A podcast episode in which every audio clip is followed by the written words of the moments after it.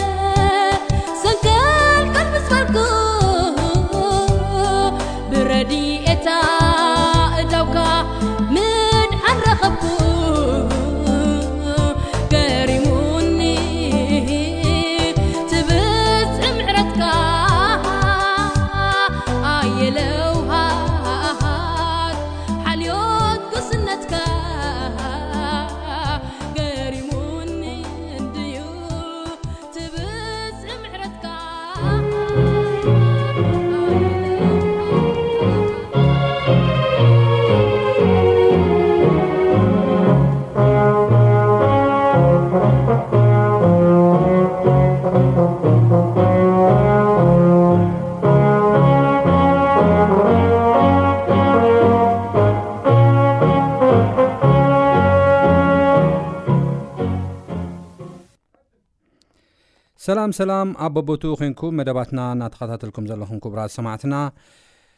ሎሚ እውን መንግስትኻ ትምፃእ ብዝብል ኣርእስቲ ሒዝናዮ ዘለና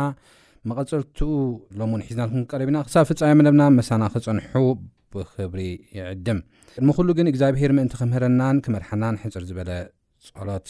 ክንጽሊ ኢና ንጸሊ እግዚኣብሔር ኣምላኽና ስለዚ ግዜን ሰዓትን ነመስግነካ ኣለና ሕጂ ድማ ክቡርን ኣዝዩ ዘደነቐን ቃልካ ከፊትና ኣለና እሞ ከተምህረና ምስትውዓልና እውን ክትከፍት ሓጢኣት በደልና ይቕረ ክትብል ከም ፍቓድካ ክንመላለስ ድማ ክትረዳእና ንልምነካ ኣለና ብጎይታና መድሓና ንስ ክርስቶስ ስም ኣሜን ከም ዝከር ኣብ ዝሓለፈ ናይ ቃል ግዜና መንግስትኻ ትምፃእ ብዝብል ናይ ቃል ግዜና ዝተፈላለየ ሓሳባት እናረኣና መጺእና ኢና እሱ ድማ ናይ እግዚኣብሄር መንግስቲ ዓባይን ሰፋሕን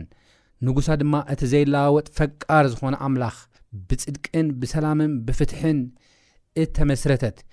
ካብዚ ናይ ዓለም መንግስቲ ዲያብሎስ ዝገዝኣን ዲያብሎስ ዘመሓዳድራን ዲያብሎስ ኣምላኽ ዝኾነላን ብናይ ስርዓት ሰብ እተመስረተት መንግስቲ ኣዝያ እተፈለየት ከም ዝኾነት ናይ እግዚኣብሔር መንግስቲ ርኢና ኢና ስለዚ ናብዚ ናይ እግዚኣብሔር መንግስቲ ክኣትው ዝደልዩ ከዓ እቲ ናይ መንግስቲ ወንጌል ናይ እግዚኣብሔር መንግስቲ ወንጌል ዝኾነ ክቕበሉ ከም ዘለዎም ብኡ ክቅደሱን ክፀድቁን ከም ዘለዎም ርኢና ነርና ኢና ማለት እዩ እሞ ሎሚ ከዓ መቐጸልታ ክንርኢ ኢና ምሳና ጽንሑ። ኣብ ማርቆስ ምዕራፍ ሓደ ፍቕዲ ሓሙሽተ ዘሎ ሓሳብ ኢና ንርኢ ሎም እምበኣር ንሪኦ ሓሳብ መንግስትኻ ትምጻእ ኢልና ክንጽሊ ከለና ኣብቲ የሱስ ክርስቶስ ዘምሃሮ ጸሎት ኣብ ሰማያት ትነብር ኣቦና ስምካ ይቀደስ መንግስትኻ ትምጻእ ኢልና ክንጽሊ ከለና እንታይ እዩ እቲ ናይ ልምነ ትርጉም ዝብል ኢና ክንርኢ እቲ ቀዳማይ ሕቶ ኣብዚ ዝሕተት ናበይኣ ክትመጽእታ መንግስቱ እታ ኻልኣይ ድማ እታ መንግስቲ ከመይ እያ ካብ ካልኦት ትፍለ ብዝብል ክንርኢ ኢና። እዝን ካልኦት ሕቶታትን ክንድህስስ ኢና ማለት እዩ። እምበኣር ካብቲ ኻልኣይ ሕቶ ክጅምር እሞ ኣብ ማርቆስ ምዕራፍ ሓደ ፍቕዲ ዓሰርተ ኣርባዕተን ዓሰርተ ሓሙሽተን ዘሎ ሓሳብ ከንብብ እደሊ። ድሕሪ ማእሰርቲ ዮሃንስ ከኣ ኢየሱስ ናብ ገሊላ መጸ፣ እቲ ዘመን ተፈጸመ። መንግስቲ ኣምላኽ ከኣ ቐረበት፣ ተነስሑ ብወንጌል እውን እመኑ እናበለ መንግስቲ ኣምላኽ ሰበኸ ይብለና። ስለዚ ኣብዚኣ ክሪኣ ዝደለኹ ሓሳብ ካብ ናይ የሱስ ስብከት እቲ ዘመን ተፈጸመ መንግስቲ ኣምላኽ ከኣ ቀረበት ዝብል ሓሳብ እየ ክርኢ ዝደሊ ብፍላይ እታ ዘመን ተፈጸመ ዝብል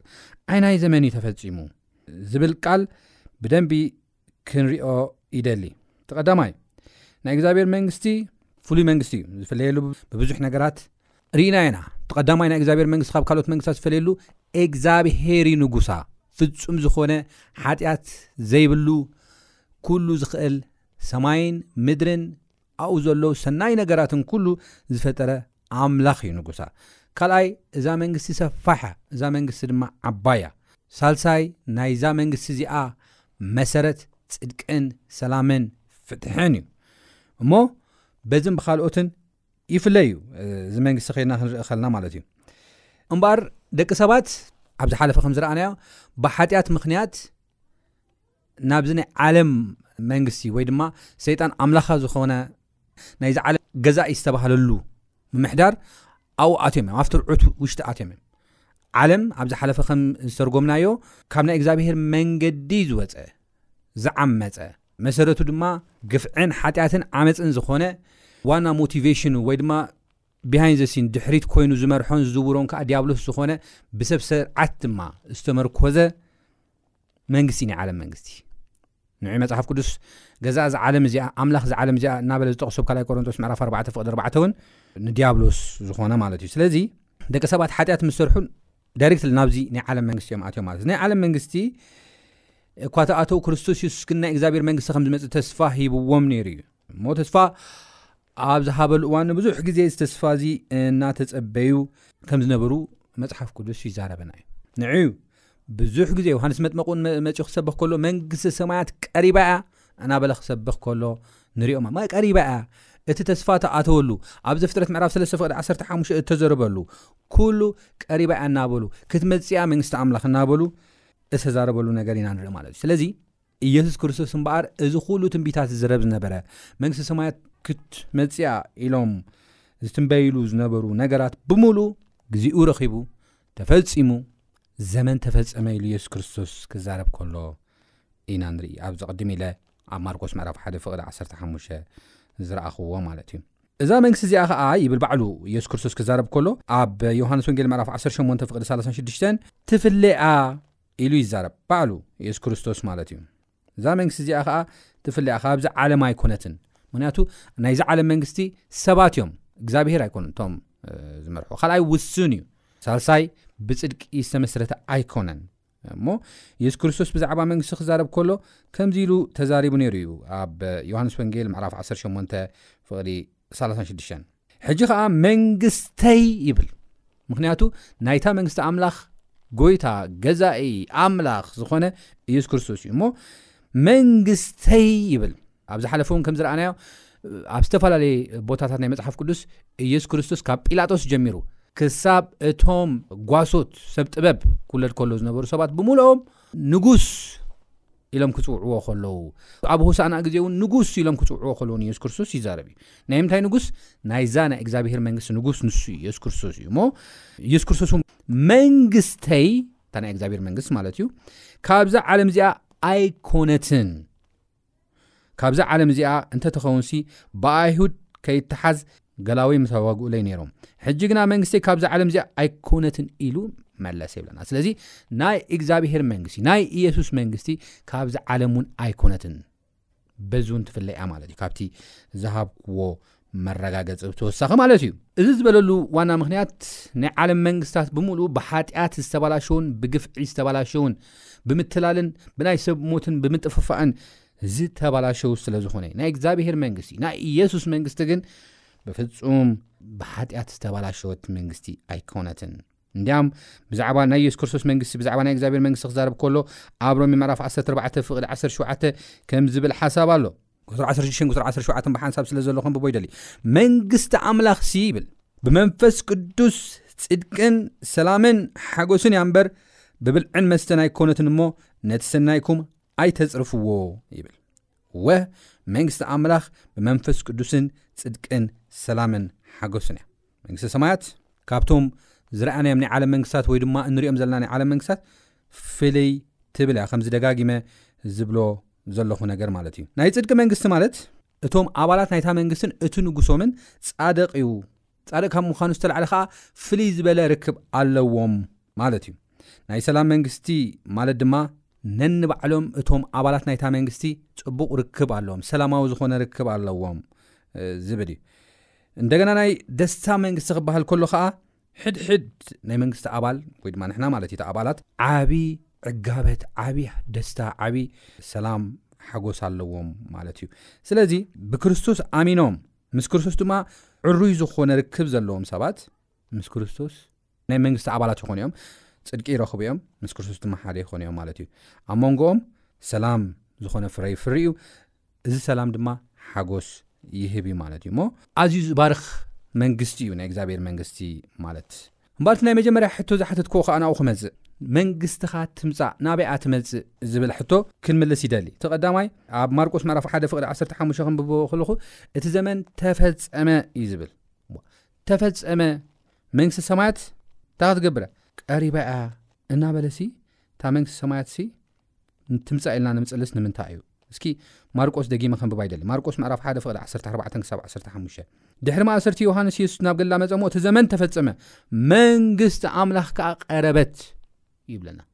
መንግስቲ ኣምላኽ ከኣ ቀረበት ተነስሑ ብወንጌል እመኑ እናበለ ወንግስቲ ኣምላኽ ሰበኸ ይብለና ስለዚ መንግስቲ ኣምላኽ እቲ ዘመን ተፈጺሙ መንግስቲ ኣምላኽ ቀሪባ እያ ኢሉ እናሰበኸሲ ናበይ እያ ትመጽእ እታ መንግስቲ ኣምላኽ ዝብል ሓደ ዓቢ ሕቶ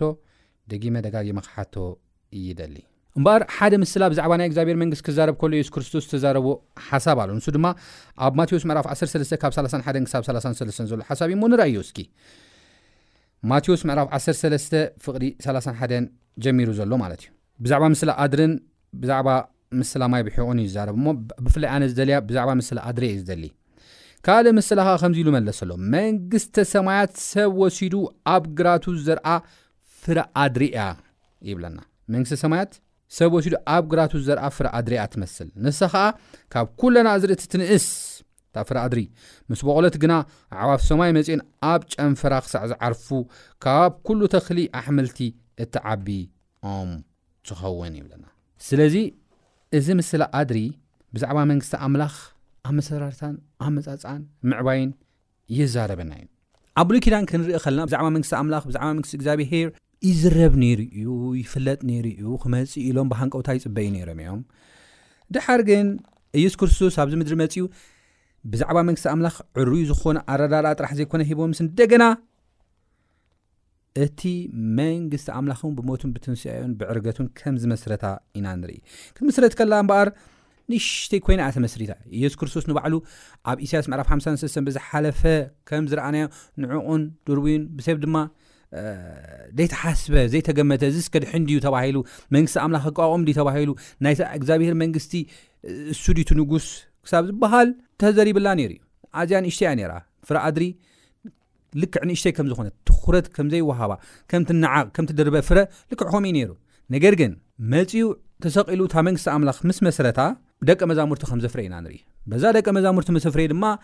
እናዓበየት ከም ዝኸደት፣ እታ መንግስቲ ኣምላኽ ድማ ወንጌል እናተሰብከ ንዓለም ኩሉ እናተዘርበ ክኸይድ ከሎ፣ እታ መንግስቲ ኣምላኽ ድማ እናሰፍሐት እናሰፍሐት እናሰፍሐት እናሰፍሐት ብኡ ልክዕ ከም ዝኸደት ኢና ንርኢ። ሕጂ ብዘለናሉ እዋን ኣባላት እታ መንግስቲ ኣምላኽ ኣዝዮም ሰፊሖም፣ ኣብዚ ክልተ ሽሕ ዓመት እኳ ድሕሪ ሓድሽ ኪዳን ዘሎ ኣመንቲ እኳ ከይድና ክንርኢ ከለና ኣዝዮም ክርስትና በዚሖም፣ ኣዝዮም ብክርስቶስ ዝኣምኑ በዚሖም፣ መጽሓፍ ቅዱስ ድማ ናይ ወንጌል መንግስቲ እኳ ኣዝዩ ተኸቢሩ ኣፍልጦ ተዋሂብዎ ብመንግስታት ንባዕሉ ክስበኸሉ ከሎ ኢና ንርኢ ብርግጽ ኣብ መወዳእታ ዓይና እቲ ሓቀኛ ክርስትያን ኣና እቲ ሓሳዊ ክርስትያን መምሰሊ ክርስትያን ዝብል ዝፍለ እኳ እንተኾነ ግን ፍረኣ እናዓበየ ዝኸደሉ ግዘ እዩ ዘሎ፣ ልክዕ ከምታ ፍረ ኣድሪ ማለት እዩ። ፍረ ኣድሪ ንእሽተይ እያ ነይራ፣ ድሓር ግን እናዓበየት እናዓበየት እናዓበየት ብምኻድ ካብ ኩለን ኣእዋም ዝዓበየት ኦም እያ ትኸውን። ብዙሓት ኣዕዋፍ ድማ ኣብኡ ይዕርፋ እየን ማለት እዩ። መዕረፊን መፅለሊትን እያ ትኸውን ማለት እዩ። ስለዚ ልክዕ መንግስቲ ሰማያት እውን ናብ ከምዚ ደረጃ በፂሓ ከም ዘላ ኣብዚ ግዜ እዚ ንርኢ ኢና ብርግፅ ግን ሕጂ እውን ንዓበየት እያ ትኸይድ እንደገና ንዓበየት እያ ትኸይድ ክሳብ መዓስ ክርስቶስ መፅዩ ነቲ ናይ ዓለም መንግስቲ ናይ ሰይጣን መንግስቲ ናይ ዲያብሎስ መንግስቲ ደረማሚሱ ክሳብ ዘጥፍኦ ደረማሚሱ ኣጥፊኡ ድማ መጽሓፍ ቅዱስ ከምቲ ዝብሎ ሓዳሽ መንግስቱ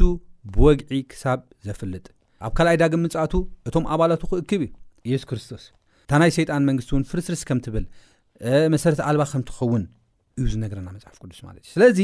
በዚ መልክዕ እዚ ዓባይ ከም ትኸውን ኣብዚ ግዜ እዚ ድማ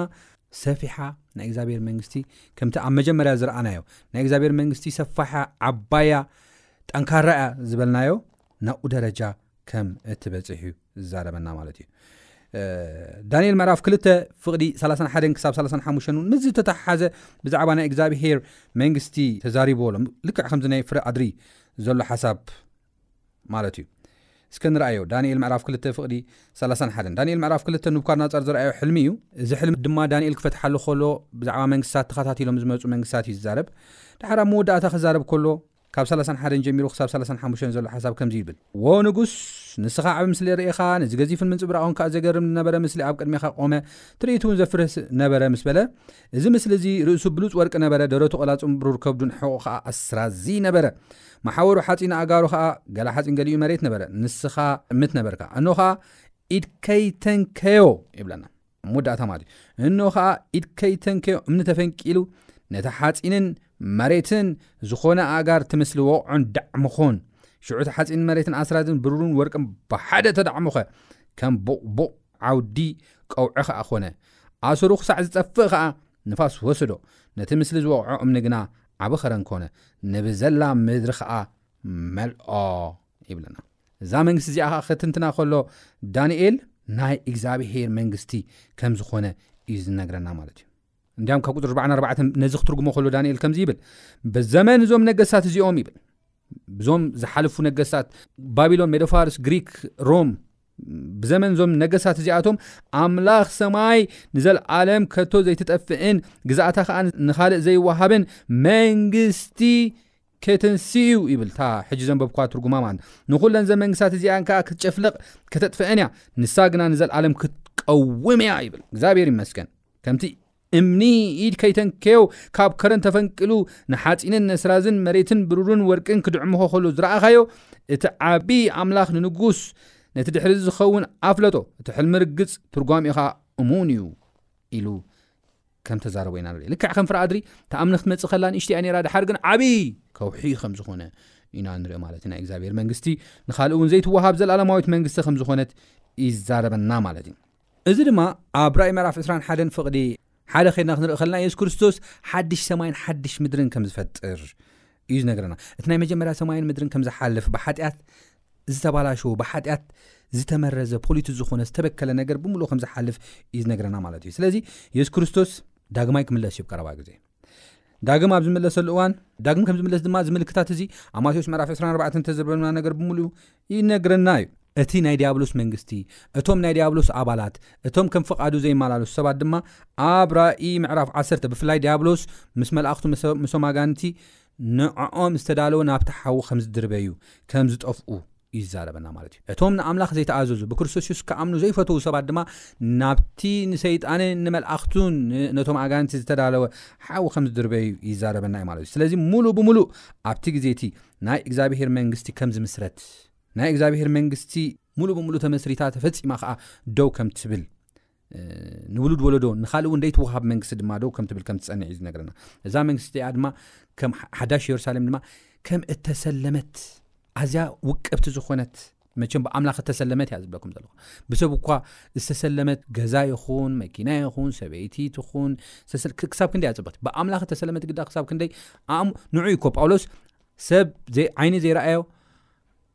እዝኒ ዘይሰማ ኣብ ልቢ ሰብ እውን ዘይተሓስበ እግዚኣብሄር ንዝፈትዎ ዘዳለወሎም ዝብል ኮ ንዑ ኮዩ ብኣምላኽ እተሰለመት ሓዳሽ የሩሳሌም ክት ከም እትወርድ ናብዚ ሓዳሽ ምድሪ ብሓጢኣት ዝተበከለት ምድሪ ዘይኮነስ ናብዚ ሓዳሽ ምድሪ ርኽሰትን ሓጢኣትን ዘይብላ ናብቲ ናይ መጀመርያ ፈጢርዋ ዝነበረ ናይ እግዚኣብሄር መልክዕ ካብኣ ውን ትበልፅ መልክዕ ሓልዋ ናብዚ ከም ትመፅ ኢና ንርኢ ስለዚ መንግስትኻ ትምፃእ ክንብል ከለና እታ መንግስትኻ ናትካ መንግስቲ ተቋቁመላ ግዜ ሲ እዚ ኩሉ ሙሉእ ተቋቂሙ ድማ ንሕና ናብ ኣባላታ ኣብኡ ንኾነሉ ካብዚ ሓጢኣተኛ ዓለም እውን ንወፀሉ ሓጢኣትን ሓጢኣተኛታትን ድማ እተጥፍኣሉ ንዓኻ ክኣምኑ ዘይፈትዉ ዲያብሎስን ኣጋንትን ብምልኦም ድማ ፀራሪካ ናትካ መንግስቲ ትቆሙ ንካልእ እውን ደይትወሃብ መንግስቲ ሲ ትምፃልና ንብል ንዑ እዩ ማለት እዩ እሞ እዚ ዓይነት ጸሎት ደጋጊምና ክንጽልዮ ከም ዘለና እዚ ዓይነት ጸሎት ብደንቢ ተረዲእና ክንጽልዮ ከም ዘለና ዘርኢ እዩ ማለት እዩ እሞ ኣብ ዝቕጽል ናይዚ መቐጸልታ ሒዝናልኩም ክቐርብ እየ ክሳብ ዝቕጽል ኣምላኽ ምሳና ይኹን ኣምላኽ ምሳኹም ይኹን ጎይታ ይባርኩም ሰላሙ ይሃበና